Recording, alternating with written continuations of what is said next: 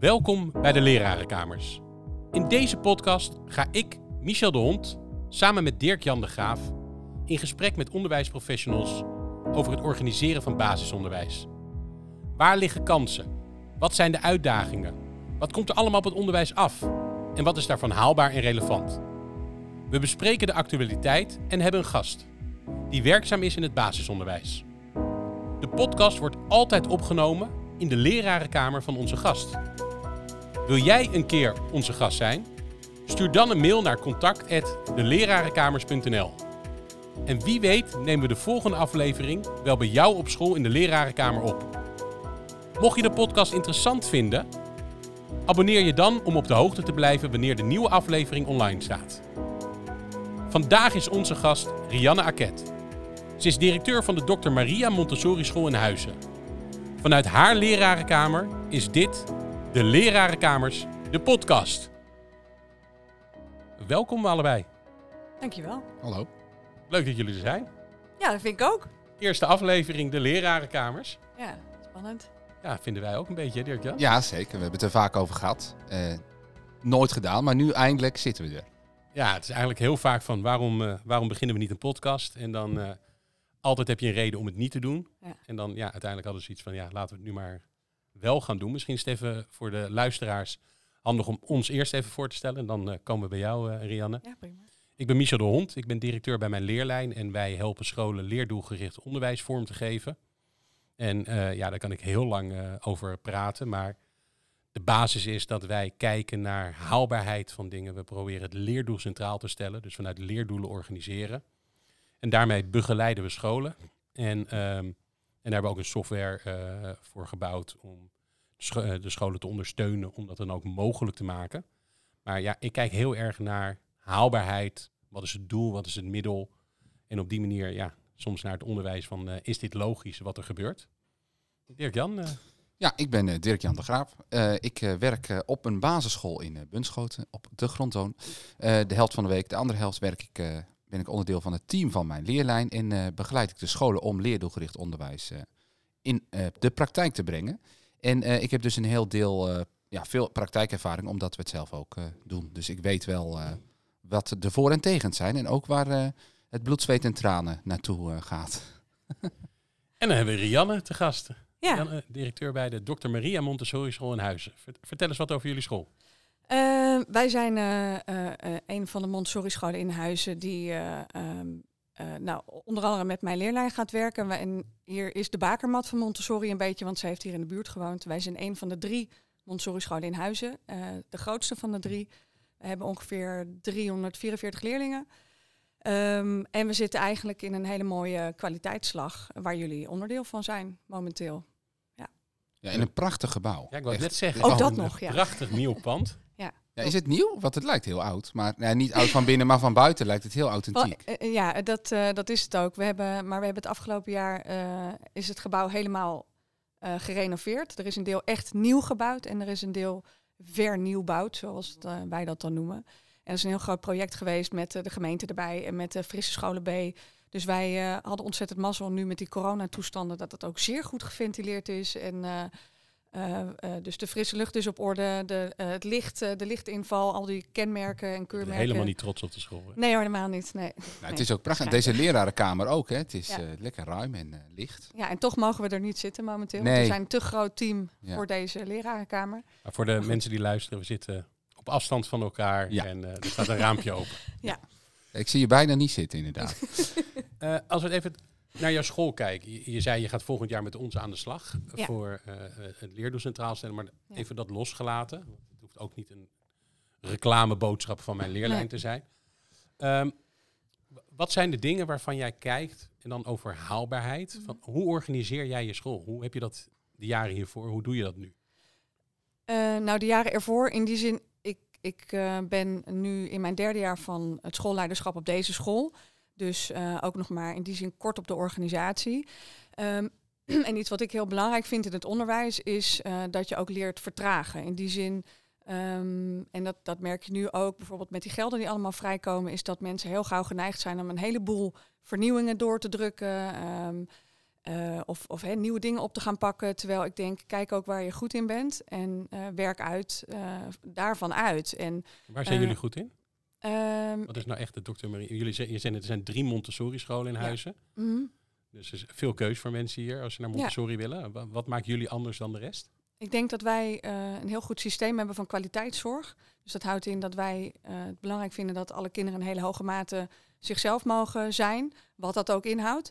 Maar dan Ehm, wil ik gelijk een vraag. Want ja. ja. ik, ik ben soms de kritische vragen Mhm. stellen. ben er gek eh, op. Nee, ik, ik, hoor dit veel op scholen en ik vind dat altijd hele mooie termen. Maar Mhm. Hoe doe je dat dan? Wat is dan? Hoe zorg je daarvoor en hoe kan je dat meten? En dat, dat, ik hoop dat je dat in ieder geval terug hoort ook van ouders. Is dat wij de drempel heel laag leggen om met ouders in contact te zijn over wat het beste is voor kinderen eh, in de school. Soms heb je kinderen die in de school eh, prima gaan, maar thuis eh, in de gordijnen hangen omdat ze eh, ehm, overprikkeld zijn of wat dan ook. En soms is het ook wel eens andersom. Dus eh, het is belangrijk om heel goed met ouders in contact te zijn over het welzijn van het kind. En, en hoe doen jullie dat in de praktijk? Want als we dan nog, is is dat dan eh, heel veel gesprekken voeren eh, op jaarbasis? Of, of zijn dat, want kijk, het, bekendste in het onderwijs zijn de 10 minuten gesprekjes. Hè? Ja. Even komen en, De te korte gesprekjes. nou ja, de, de, hallo, de kookwekker. En dan. Nou ja, wij, nou inderdaad. En die zetten we dan op 9 minuten, want anders dan. ja, Zo ja, zo kom gaat dat, dat klopt. Ja. Maar eh, hoe, hoe, ja, goed, als, als ik zou luisteren als school, zou ik denken, hey, hoe, hoe hou je die drempels laag? Nou, sowieso, eh, en dat zie je nu in het nieuwe gebouw denk ik ook terug, is dat eh, de deuren zijn altijd open, letterlijk. Eh, maar we hebben nu bijvoorbeeld ook heel veel eh, ramen, dus de, de klassen zijn heel transparant. Dus eh, we proberen ehm, in die zin dus letterlijk de deuren open te zetten. Dat is nu met corona natuurlijk wel lastiger. Ehm, maar eh, ja, we proberen ook eh, handige communicatiekanalen open te houden, zoals gesprekken via de social schools. Ehm, en dat soort berichtgeving, telefonisch in die zin goed bereikbaar. En het is niet, wij, wij houden niet van een afwachtende houding. Dus in die zin, als wij het gevoel hebben van hé, hey, we hebben elkaar even nodig, dan gaan we niet wachten tot de ouders komen, maar zullen wij ook zelf eh, even zeggen van goh, kom even langs, dan hebben we het er even over. Ja. Ons valt dit op, hoe zien jullie dat? Oké, dus eigenlijk door eh, heel eh, proactief eh, bezig te zijn, Ja. zeggen. Ja. Nou, mooi. En eh, en onderwijstechnisch, ik weet dat ehm, ik heb een zoontje die zit nu in groep drie. Mhm. En toen we die moesten inschrijven voor een school, toen, eh, toen zijn we op gesprek gegaan bij een paar scholen. En toen de school waar we voor hebben gekozen, waar ik heel blij mee ben, maar die, die heeft een, een uur lang heeft de directrice allemaal dingen uitgelegd over Mhm. hoe ze als school zijn, wat ze doen. En toen vroeg ik aan het eind, toen ze klaar was, ik zeg maar, hoe organiseer je dan het onderwijs? Dus rekenen, taal, dat soort dingen. Zij zei, dat is eigenlijk nog nooit door een ouder aan me gevraagd. Mhm. Ehm, maar, maar hoe organiseren jullie het onderwijs? Dus het, het gedeelte van eh, het rekenen, het taalonderwijs. eh, zijn jullie methode gebonden? Is de methode een bron?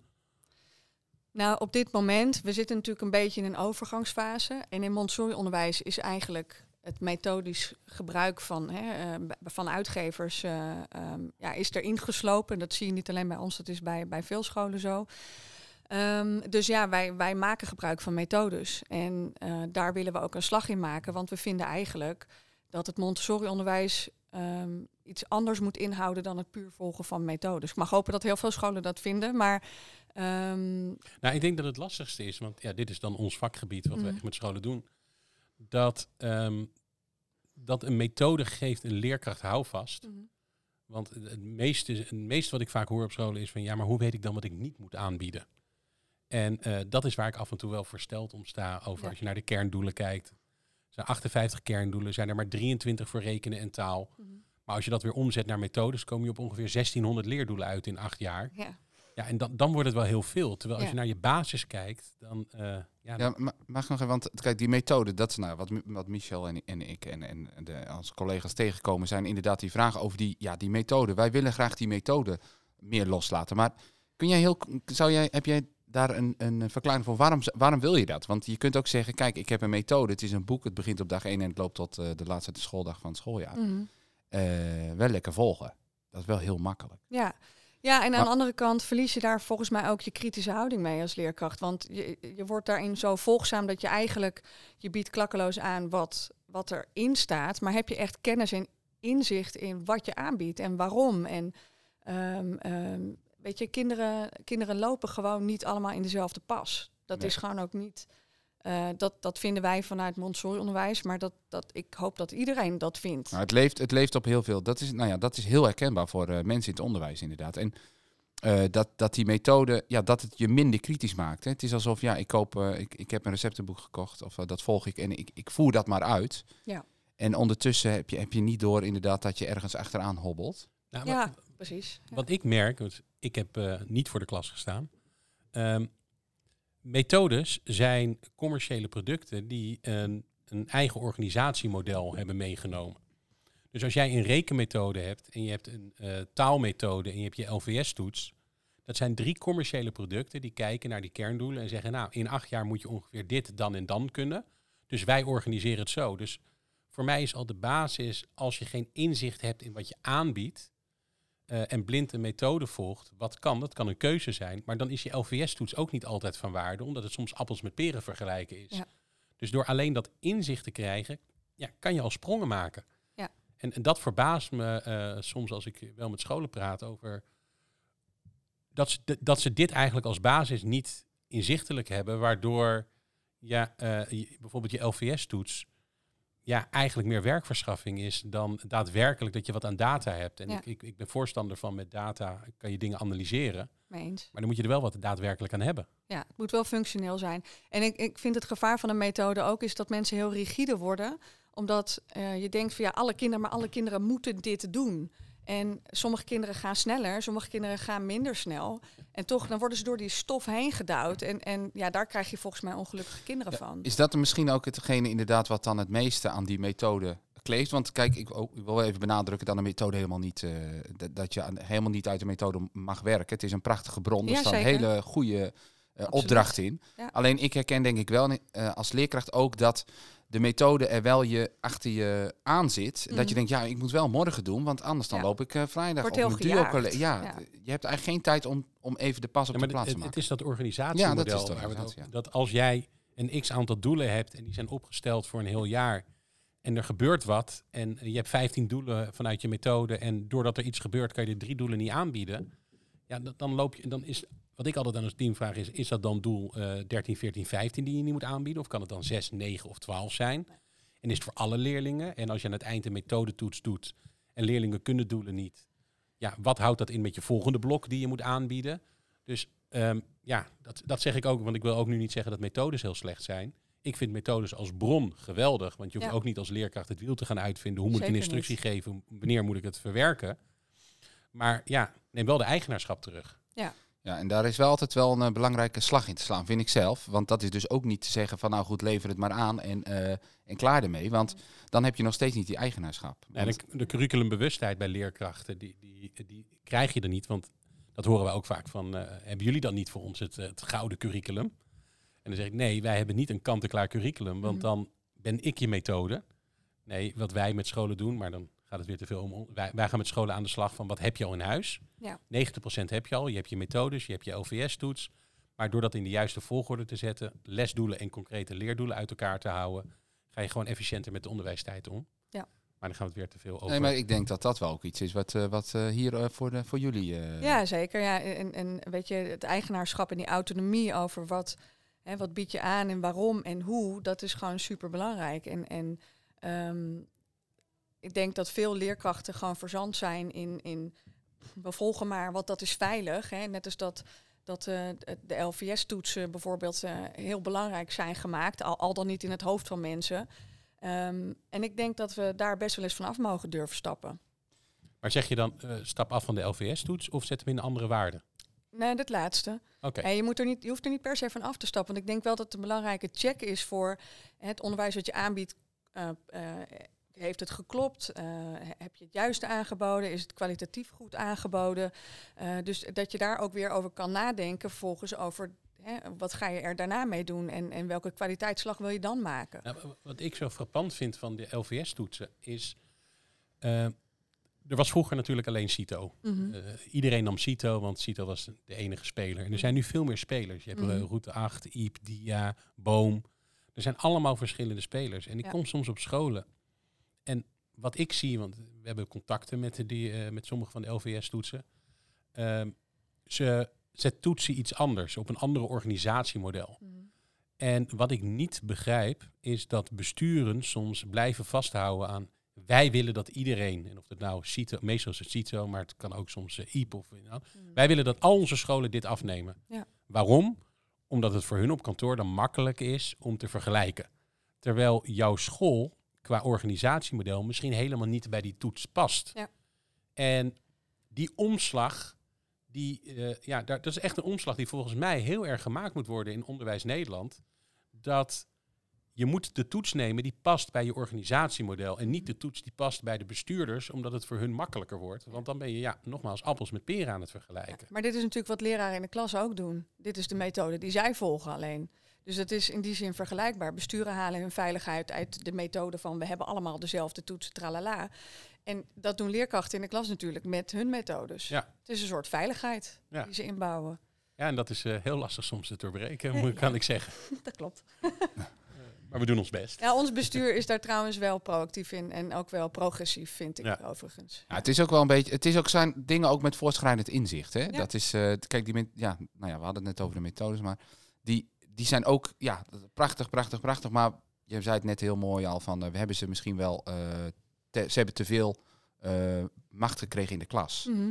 En, Maar dat, eh, is, moeten dat komt ook stapje door de terug. leerkracht. Daar is op een gegeven moment steeds meer vraag naar Oh, geweest. zeker. Ja. Ja. Waardoor methodes steeds meer per dag zijn gaan uitschrijven. Dus dat is, daar kan je de methodes eigenlijk ook niet aanrekenen. Dat is, Nou, en het is ook, de, de inspectie speelt er natuurlijk ergens ook een rol in. In ieder geval, ehm, eh, de- daar is overigens ook wel grote misvatting over, merk ik. Dat, dat de inspectie vindt dat er van alles moet. Die hebben daar natuurlijk ook wel een, slag in gemaakt, al een paar jaar geleden.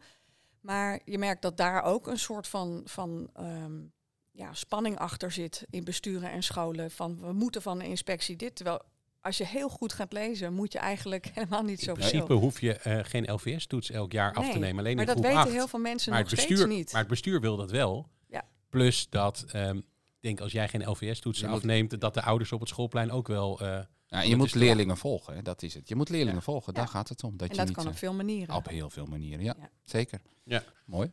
Nou, we hebben, ehm, je hebt ook een onderwerp waar je, waar je het over wil hebben vandaag. Ja.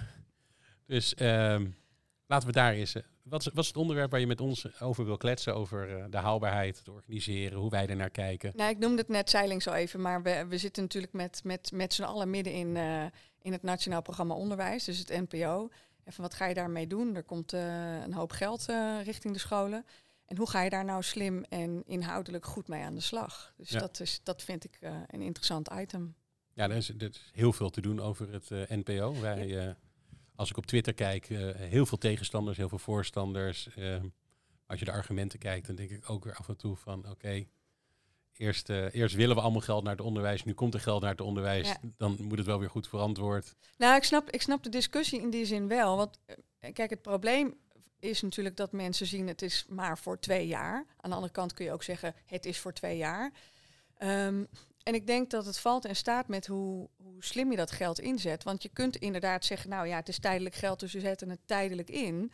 Maar je kan het geld natuurlijk ook verduurzamen door er slimme stappen mee te maken. Maar Dus- dat is het ook, want ehm, wij hebben daar ook al vrij vroeg naar gekeken, vanuit kantoor natuurlijk, omdat het voor ons ook interessant is. Ja. Eh, we hebben ook contact gehad met het eh, ministerie over het NPO, eh, waar we ook wat vraagstukken hebben neergelegd Mhm. die, eh, die ze mee hebben genomen. Ehm, nou, als ik, ik heb hier de menukaart voor me Mhm. en ik sta een beetje versteld over sommige keuzes die erin zitten. Dus ehm, dan mo- mo- Brandlos. mogen jullie, eh, ik ben- benieuwd naar jullie mening. En eh, ik zou absoluut mijne ook zo direct eh, ventileren. Maar als ik er naar kijk, zijn er twee mogelijkheden. Meer onderwijstijd creëren of efficiënter met je onderwijstijd omgaan. En dat in heel veel jasjes. Mhm. A lijkt me eigenlijk niet een oplossing. Het is ja, zomerschool, extra uren onderwijs. Dan denk ik, ja, Ja, het kan, het kan, dat kan een oplossing zijn. Alleen ik vind het dan nog frappanter. Als je kijkt naar de effecten die het oplevert, dat dat minimaal is, laat maar zeggen. Dat, eh, dat, ja dat maar niet- behalve dat, eh, eh, nogmaals, jij staat zelf voor de klas. Ja, zeker. Ja, ik ga, ja. Hoe ga je een zomerschool nu? We hebben al te weinig leerkrachten. Ja, er zijn wel dus- zomerscholen natuurlijk. Jawel, maar binnen jouw eigen, dus eh, onderwijs uitbreiden, extra uren onderwijs. Of op jouw school. Ik bedoel, als jij een zomerschool hebt dat een kind naar een andere school gaat om daar te leren. eh, dat is leuk, maar dan, dan, ja, dan is de vraag, wat leert hij daar? Wat, waar sta jij? Hoe ver komt hij dan terug in de klas? Hoe staat mijn klas En ervoor? ik denk dat dat het alle kijk. Prima als je ervoor kiest. Maar ik denk dat dan nog het aller, allerbelangrijkste is. Wat ga je doen in die zomerschool? Want Ja. ga je, wat is de invulling? Want kijk, een beetje knutselen en timmeren, eh, waar het vaak tegenwoordig, hè, nou ja, veel kinderen die eh, leesachterstanden hebben of eh, niet, Nederlands niet als moedertaal hebben, die gaan naar zo'n zomerschool om een beetje bij te spijkeren of extra te oefenen. Maar vooral om het niet te verliezen in die zes weken school. Ja. Dus ja, om het nou in te zetten om te zeggen, nou dan halen we even een half jaar eh, of eigenlijk anderhalf jaar onderwijs eh, brengen we terug. Daar is het denk ik niet. eh, Dat- nee. Dat denk ik dus ook niet. En extra uren. Nou, als ik naar jouw team, eh, als jij je team zou moeten zeggen dat we een uurtje langer school gaan eh, bieden tot en met de zomer. Elke dag? Wat, eh, wat zou een reactie zijn? vlag uit natuurlijk. nee. nee, weet je, dat, dat, eh, daar staan mensen natuurlijk niet om te springen. En dat is ook omdat, ehm, omdat je gewoon merkt dat er in het onderwijs best wel rek uitgaat. Het elastiekje staat strak en, en eh, heel veel rek is er niet meer mogelijk. En, en wij zijn het ook, wij hebben het veel inhoudelijk over het onderwijs met elkaar in het team. Dus ehm, wij zien dat ook niet als de oplossing. Nou, dan, dan gaan we naar de andere, de, dus de, de andere oplossingen die er zijn. En ja, ik noem dat altijd efficiënter met de onderwijstijd omgaan. En dat is wat wij ook heel erg proberen door die leerdoelen centraal te stellen. Mhm. Concrete leerdoelen. Een leerling werkt alleen aan doelen waar hij mee bezig moet zijn. En dat betekent helemaal niet dat je klassikaal, klasoverstijging, unit... Maakt niks uit. Mhm. Hoe je het organiseert is stap twee. Als je inzicht hebt, kan je keuzes maken. En vanuit die keuzes, ja, dat ligt eraan wat jij als school wil en welke inzichten je krijgt. Ehm, maar efficiënter met de onderwijstijd omgaan. Want ik zie hier dan eh, de, de keuzes en waar dan ook de meeste maanden eh, onderwijs wint. Bijvoorbeeld in kleinere groepjes instructie. Mhm. Nou, daar, daar zijn wij heel erg voorstander van. Maar dan, als ik dit alleen maar lees, dan denk ik, oké, hoe dan? W- Wij hebben daar een manier voor met het leerdoelgericht onderwijs, maar dat is onze manier, daar wil ik het nu niet te veel over hebben. Maar als ik naar andere scholen kijk, oké, je hebt 30 leerlingen in de klas en je moet kleinere groepjes instructies geven. Ten eerste, hoe zie jij vanuit de methode welke leerlingen welke doelen nodig hebben? Ten tweede, wat doen de andere leerlingen dan? Zijn ze ook effectief met de onderwijstijd bezig? Dus hoe zie jij dit? Eh, Hoe, hoe, wat doe jij van je collega's bijvoorbeeld, hoe zij dit gaan oplossen? Ehm, nou, kijk, wij zijn eh, van oudsher, dat klinkt een beetje oudbollig, maar dat, eh, natuurlijk gewend om veel individueel met kinderen te werken. En, en voor ons was eigenlijk de omslag dat we veel meer in de grotere groep moesten gaan werken. Dus eh, wij zijn dat spanningsveld tussen kleinere groepjes en de, eh, het hele leerjaar bijvoorbeeld zijn wij wel gewend. Ehm, dus eh, voor ons zit daar niet per se een hele grote omslag. Wel in hoe je dan praktisch eh, eh, de juiste doelen met de juiste kinderen koppelt. Want nu heb je inderdaad een methode waarvan je zegt: oké, jullie blijven even zitten. Hè, we doen eh, met elkaar nog even eh, een aanvullende instructie op, op het een of het ander. Maar ehm, het is natuurlijk veel mooier als, eh, als kinderen daar, naast dat wij dat inzicht hebben, ook zelf dat inzicht in hebben. Eh, dus ehm, dan heb je twee kritische blikken. En kun je volgens mij ook veel makkelijker die koppelingen steeds maken. Maar hoe houden jullie nu dat inzicht bij dan? Want eh, volgend jaar gaan we samen aan de slag met ons Mhm. systeem ook. Ja. Maar nu, jullie werken vanuit methodes. Ja. Jullie werken op Montessori, dus leerlingen Ja. werken een eigen doel. Hoe houden jullie het nu bij? Nou ja, eh, grofmaziger dan we willen, denk ik. Want ehm, wij werken bijvoorbeeld met, eh, eh, met groepsplannen. En, en in die zin, die, die, daar delen we kinderen in op onderwijsbehoeften, zoveel mogelijk. Maar kijken we natuurlijk ook wel naar, naar hoe de, de toetsen gemaakt worden, zij het van het LVS of van de methode. Want soms halen kinderen resultaten ehm, omdat ze die extra instructies krijgen. Dus ehm, er, zit, er zit je een beetje op het spanningsveld tussen... Ehm, eh, eigenlijk is het basisaanbod voldoende, maar dat haal je niet eh, als je niet die aanvullende instructie geeft. Dus je, je zit continu in dat spanningsveld. Maar het is grofmaziger omdat je toch gaat kijken naar spelling. eh, en, en ga je uit van spelling in plaats van de leerdoelen binnen spelling. Ja. Ja. Maar is het, zeg ik iets heel raars? Ja. Als ik zeg dat... Standaard. Ja, dat, sorry, ze kennen me een beetje. Maar zeg ik iets heel raars als ehm, scholen die nu zeggen... we willen dus kleinere groepen meer eh, eh, instructie geven. één op één instructie staat ertussen. Dat eigenlijk al die scholen een beetje meer Montessoriaans onderwijs dan gaan bieden? Ja, dat vinden wij wel. Maar eh, weet je, ik, Of ben ik nu aan het vloeken voor sommige scholen? misschien, dat weet ik niet. Maar ik, ik, ik, je merkt sowieso wel dat ook scholen die niet per se Montessoriaans werken, eh, sowieso wel die omslag aan het maken zijn. In de tijd dat ik op de PABO zat, dat is niet extreem lang geleden, maar daar heb ik ook wel in reguliere scholen gezeten. En zag ik echt wel dat het toen echt wel extreem klassikaal was. En volgens mij is dat al lang niet meer zo. En niet alles hoeft Montessori te heten, het, maar kindgericht onderwijs is natuurlijk wel, de, mag ik hopen, de hoofdmoot op iedere school. Ja, het, het, het, ik denk dat wel, net zoals dat je in de maatschappij de, de grenzen ziet vervagen, Mhm. eh, zie je dat, ga je dat ook in het onderwijs zien. En eh, dat, dat komt ook omdat er steeds meer mogelijkheden zijn eh, op digitaal gebied Ja. of, en kennis, om dat ook te kunnen. Dus ook om te zeggen van oké, we willen het meer kunnen afstemmen op het kind. En ik denk dat dan het sausje Montessori, laat maar zeggen, daar eh, weer echt wel in je organisatie terug te zien is van eh, we pakken het op die, op die manier aan. En Ja. wat ik meestal zie op scholen, want voor mij waren die termen tot acht jaar geleden nog een beetje... Ja, ik heb zelf Montessori school, maar verder Dalton, Jenaplan, Ja. zei me niks. Wat ik een beetje merk is het organiseren van het onderwijs wordt steeds meer, voornamelijk op scholen waar wij ook mee bezig zijn, door als je het leerdoel centraal gaat stellen, dus de leerlingen worden gekoppeld aan de doelen, dan, dan ben je, ja, of je nou Montessoriaans, maar je organiseert aan de hand van het leerdoel. Mhm. En ik zeg altijd, het, het vleugje wat je er overheen gooit, dat is jouw school. En of je nou, ja, welke naam je eraan geeft, unitonderwijs is ook een Montessori-onderwijs voor mij als buitenstaander als ik daarnaar kijk. Dus ik heb steeds meer het idee dat het vleugje, eh, ja, eigenlijk is het, als we het even helemaal terugredeneer, je hebt, je hebt 58 kerndoelen, 23, 23 zijn voor rekenen en taal, daar wordt je eindtoets op gedaan. Ik zeg altijd gekscherend, als er twee scholen naast elkaar staan en de ene die heeft op zijn eindtoets alleen maar eh, slechte scores. Maar de leerlingen worden daar wereldverbeteraars. En de school daarnaast heeft de mooiste, eh, eh, de mooiste scores, allemaal 1S-niveau, allemaal hoge uitstroomprofielen. Maar dat worden allemaal criminelen. Is dat toch nog steeds op papier de beste school in Nederland? Mhm. En volgens mij is het dat gedeelte organiseren. Dat is, daar gaan steeds meer het, het leerdoel of het kind centraal stellen, of hoe je het wil noemen. Ehm, en het vleugje wat je er overheen, overheen gooit, dat is ook de vrijheid van onderwijs in Nederland. Dat maakt jou jouw school.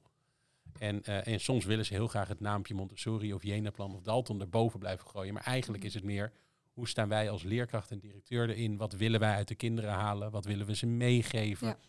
En ik denk dat dat misschien nog wel belangrijker is dan het rekenen en taal. Ja, het is de visie op je onderwijs. Ik denk dat dat, Ja. het, dat, dat het verschil maakt. Hoe, eh, Ja. Vanaf welke aanvliegroute neem je en hoe voer je het uit binnen de school. En ik denk dat dat ook moet blijven hoor. Want je ziet aan kinderen, het, het, nou ja, net zoals ja, bij de grote mensen, is het ook zo. Bij het ene kind past de ene vorm van onderwijs aanbieden veel beter dan bij de ander natuurlijk. Klopt. En ik denk dat je dat zelf, ja, dat zie je zelf hier ook terug. En Ja. ja, ja ik denk dat is ook wel, dat is wel jammer als ik daar inderdaad, eh, als we het, we hebben het net over die kerndoelen en eh, over dat eh, NPO.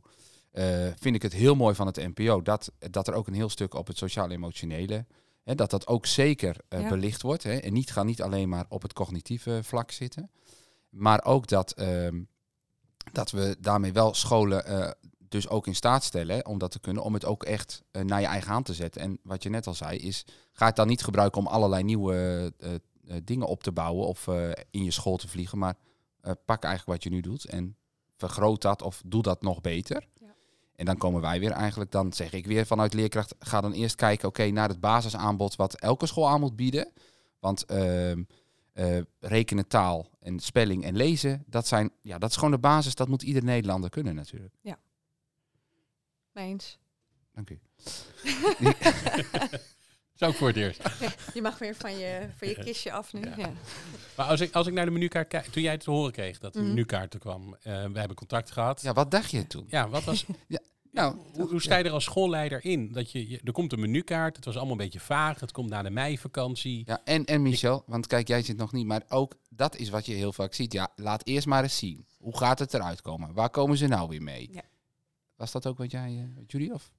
Nou, ik, ik hou niet zo van afwachten. Dus eh, wij hadden gewoon zoiets, we gaan een plannen campagne maken. We, en we flitsen het wel ergens in de menukaart. Eh, eh, want er is altijd wel iets waar het onder past. En dat was inderdaad ook zo. Ik was inderdaad ook wel aangenaam verrast dat ze ehm, het niet alleen maar hadden over, over hele praktische dingen, maar ook vooral over de achterliggende benodigdheden, zoals in het, ja, jij noemde het net ook al, het sociaal-emotionele, maar ook de leerhouding. Weet je, eh, zoiets als executieve juist, functies heeft ook echt wel een, een, een, eh, eh, een, een, is een item geworden. En dat, dat vind ik wel heel prettig. Want zeker in, in waar we kinderen toe gaan opvoeden, opleiden hè, voor de toekomst, eh, heb je dat met name ook hartstikke hard nodig. Ja, er staat een van de, de meest eh, de, de veelbelovende interventie is feedback geven aan de leerling. Hè? Ja. Doen jullie dat nu al? Of eh, zo ja, is dat dan iets wat je graag wil gaan uitbreiden? Of Ja, wij, wij doen dat al wel. Wij besteden daar al wel een, een paar jaar aandacht aan, minder dan we willen, zeg ik er ook wel bij. Maar het is wel in vergaderingen steeds teruggekomen. Eh, dit jaar zouden we daar ook een, eh, een trajectje mee starten. Alleen ja, met de corona maakt eh, het een en het ander soms gewoon lastiger. Ehm, ehm, en weet je, en, en je hebt feedback geven en, en feedback geven in die zin, ehm, het is feedback geven is gewoon een best heel Een ingewikkeld. sticker is ook een feedback geven. Nee, maar, daar heb, nee. maar wat jullie, vertel eens even wat, je, wat jullie ideale situatie is. Nou, niet, niet per se stickeren. Nee. Ehm, eh, nee, het, het gaat vooral om de kwaliteit van, eh, van de feedback. En dan vooral, ehm, eh, en dat kun je op product doen, maar ook op houding. Op, kijk, zeggen van, oh, wat is mooi en wat is knap. Dat, dat, dat zijn vaak een beetje de valkuilen van feedback. Want je zegt wel wat terug, maar wat leer je ervan? En, en met name dat laatste is heel belangrijk. Dat kinderen ook er, iets mee kunnen. En ik weet niet of jullie ehm, dat filmpje kennen van Austin's Butterfly. Volgens mij heet het zo. Zo'n jongetje wat een vlinder maakt.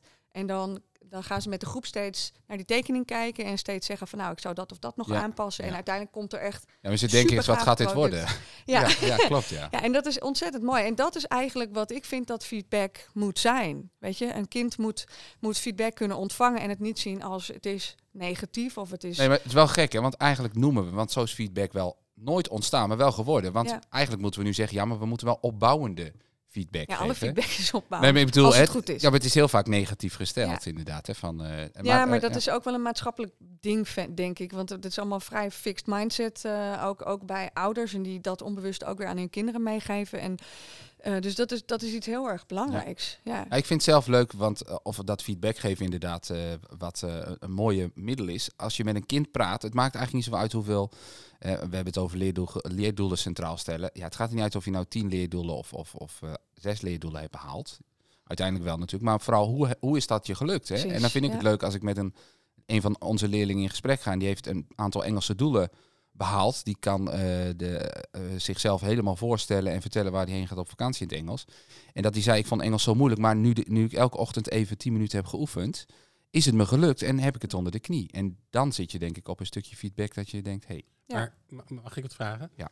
Ehm, is feedback, want er staat dan eh, plus acht maanden, dus dat is eh, ja, heel veel eh, leerwinst. Maar kan je niet feedback alleen maar geven als er ook eigenaarschap is bij leerlingen? Zeker. Dus Nou ja, ja dat, maar goed, dat woordje, ik had hem eigenlijk hier eh, opgeschreven om, om ook even erin te gooien inderdaad. Want jij zei ook over eigenaarschap. En daar wordt in, bij, ons in, bij ons in onderwijsland eh, verschillend over gedacht. Hè? Wat is nou de eigenaarschap? Kan een leerling überhaupt eigenaarschap hebben? Eh, hoe kijk jij daarnaar? Eh, Sorry, ja, een hele directe vraag. nou, het is, het is meer... Ik, ik, zei- ik dacht meteen, hè, hoezo niet? Nee, eh, nou ja, goed, Nou ja, eh, ik, ik- ik kom er tegen. Ik, ik, ja, nee, dat zal. Eh, Ja, nee, ik, ja, het is meer, dat verrast mij in die zin, omdat ik denk, ja, juist. Maar ik denk dat het met name is. Eh, wat is eigenaarschap? Want, Nou ja, dat is eh, het is een, een soort containerbegrip. Ja, dat is... iedereen, net zoals dat een klopt. portfolio. zoveel- hebben jullie een portfolio? Ja, wat, wat bedoel jij met Nou, portfolio? wat, wat Mhm. heel vaak gebeurt inderdaad, is dat als je vraagt wat is eigenaarschap, dan de kritiek daarop is, ja, maar een kind van groep 4, die kan toch nog niet bepalen wat hij zelf of wel of niet gaat leren. maar wie zegt dat dat Nou eigenaarschap ja, is? dat is Nou vaak ja. de invulling van de eigenaarschap. ik vind bijvoorbeeld een mooi voorbeeld die ik bij elke teamtraining die ik doe met eh, leerkrachten, is dat ik aan een leerkracht vraag, als jij je instructie hebt gegeven, weet jij dan wat die leerling jou moet laten zien dat hij dit doel behaald heeft, dat hij het onder de knie heeft? Ja, ja, ja, als hij de methodetoets goed scoort. Of eh, ja, ik denk het. Ik zeg, oké, maar als jij het niet weet, hoe kan de leerling het dan weten? Hoe kan hij dan eigenaarschap tonen? Hoe, hoe kan een leerling dan dus, als, als jij niet bij elk leerdoel wat je aanbiedt, en dan is niet het doel op het bord schrijven, dat is niet het gedeelte, maar het is meer van, wat moet jij mij laten zien dat jij dit doel kan? Dat jij, dat jij dit echt onder de knie hebt? Ja. En dan heb ik het over een, een concreet leerdoel, niet een lesdoel. Want aan het eind van de les dat je iets snapt, waardoor je door kan eh, inoefenen, Mhm. dat is niet iets behalen. Dus je kan niet in één les een leerdoel behalen. Een leerdoel is iets over een lange termijn automatiseren. Maar als jij, als je als leerkracht eens gaat nadenken, dat is een training die wij ook, eh, nou gaan volgend jaar ook met jullie doen. Ja. Zijn we al mee begonnen met deze. Maar wat, wanneer is een leerdoel behaald? En als je dat als leerkracht volgens mij zelf echt helemaal gaat nadenken, dan kun je dat dus ook meegeven. Dan kun je ook zeggen, nou, dit is het doel, dit zijn de, je kan het hier en hier inoefenen, je kan dit en dit doen. Als je mij dit en dit kan laten zien, dan is dat doel behaald. En dan wat je daarmee doet, kun je als school als organisatiemodel voor kiezen. Mhm. Maar volgens mij is dat de eerste stap in eigenaarschap. En ook met, dat er zit gelijk feedback in, er zit van alles in. Ja. Maar dat mis ik zo op scholen. Ja, dat is hetzelfde als dat, en dat past daar ook heel goed bij, is dat het, het voor alle partijen ook belangrijk is dat je het nut inziet van, van het leerdoel. Dus dat je ook snapt van ik heb het nodig om dat. En sommige kinderen vinden het prima om, om hè, dat op een iets kortere termijn te weten. Maar de, ja, voor sommige kinderen moet je ook zeggen van ja, je moet nu dit soort sommen weten. Want over tig jaar moet je eh, zelf je boodschappen gaan doen. En dan is het wel handig dat je geldsommen onder de knie hebt, bijvoorbeeld. Dus voor kinderen is het ook heel belangrijk om het nut te weten van wat leer je en waarom. En ze vinden het ook leuk om te weten. ja, Want ja. maar wel inderdaad wat jij zegt, eh, Michel. Het is wel zo dat, het, ehm, dat, je ze, dat, dat je ze dan ook mee kan nemen. Maar dat is Ja. een beetje, Dirk Jan wordt niet heel boos dat ik dit voorbeeld weer gegeven. Welke nou weer? Oh, die ene. Hij weet het gelijk, dat is het erg. Maar dit doe ik eigenlijk ja, bij elke teamtraining ook. Dit is Komt een auto in voor? Ja, Oké. ik, ik zeg eigenlijk altijd, dan zeg ik tegen iemand op een school, nou Rian, eh, ik, ik, ik bel bij je aan en ik zeg, kom, ga mee. Wat, wat is het eerste wat je zegt? Kom, ga mee. Nee, ik zeg, kom, stap even in de auto, Oh, we gaan ja. ergens heen. Wat is dan het eerste wat je zegt? Wat vraag je aan me? Wat we gaan doen. Ja, dat zeg ik niet. Dan stap je in de auto. En hoe vaak vraag je het de eerste vijf minuten? Hoe vaak vraag je het de volgende tien minuten? Hoe voel je je na een half uur? Nou, dat, dat is een, misschien een heel zwart-wit vergelijking, maar dat heb ik altijd vaak met, met in de school. Mhm. Ja, als jij een leerling niet vertelt waar hij heen gaat, kan hij niet meedenken, kan Ja. hij niet, dan weet hij niet wat er van hem verwacht wordt. Ja, dan zit je daar en dan ga je je steeds irriteren. Terwijl als je hem gelijk zegt, kom, ga mee, we gaan dit en dit doen, dit verwacht ik. Hier heb je het voor nodig. Ja.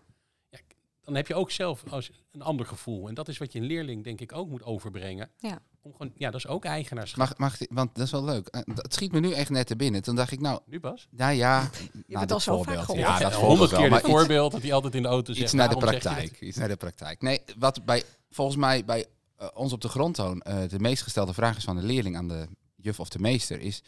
Wat moet ik doen om dit doel te behalen?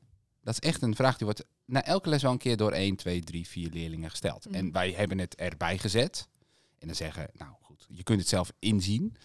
Eh, maar die vraag, dat betekent dus wel dat kinderen daar ontzettend mee bezig zijn met... hé, hey, Ja. wat moet ik nou straks aan doen om dit doel te kunnen behalen? misschien voor de luisteraars, wel, jullie werken vanuit leerdoelen. Ja. Dus bij Oh ja. jullie is het ook echt dat het doel krijgt een status. En als het doel behaald is, Ja. dan mogen ze aan andere doelen werken. Ja. Dus eigenlijk eh, de leerlingen die... Die jullie- zien het ook, ja, zeker. Ja, de leerlingen die bij jullie op school komen vanaf eh, groep 1 of groep 3, die zijn gewend dat ze op deze manier werken. En Ja.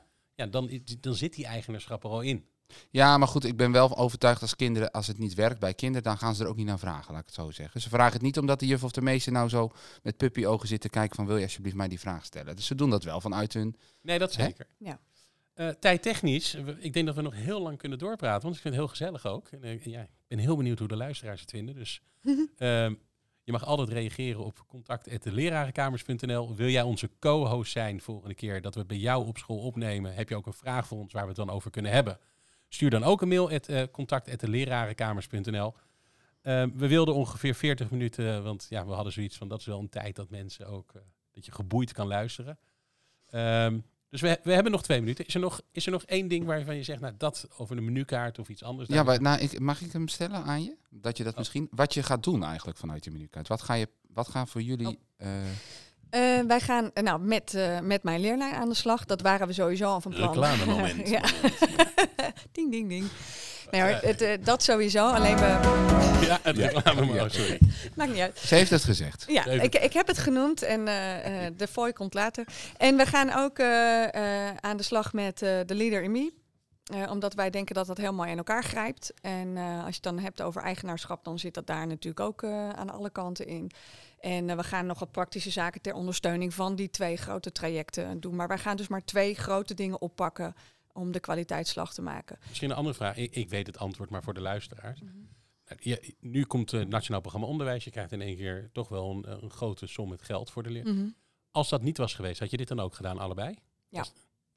Alleen nu, nu hebben we eh, iets meer eh, ruimte financieel gezien om het, om het gewoon eh, uitgebreid kwalitatief en nog diepgaander te doen. Ehm, Maar het waren twee trajecten die wij sowieso al in, vanuit het visietraject hadden bepaald. Dus eigenlijk, misschien een mooie conclusie ook, is dat het Nationaal Programma Onderwijs ehm, is voor jullie niet, oh er komt geld, dus we moeten wat verzinnen wat we nu Nee, daarmee gaan doen. Het is, niet. We hadden al een visie, we waren er al mee bezig, maar doordat we extra geld hebben, kunnen we het nog beter inzetten, nog meer begeleiding, nog meer doorvoeren, waardoor het ook nog een betere uitkomst hopelijk. eh, Ja, de- wat ik wilde voorkomen, en dat, daar hadden we het in het begin ook al over, is, eh, en, en Michael Fullen noemt het dan heel leuk, het initiatief is, om, om maar dingen te doen om het doen. En, en ik, ik wil dat echt voorkomen hier eh, in de school. Die hang ik Ja. op de deur. Ja. Vind ik het mooi, ja.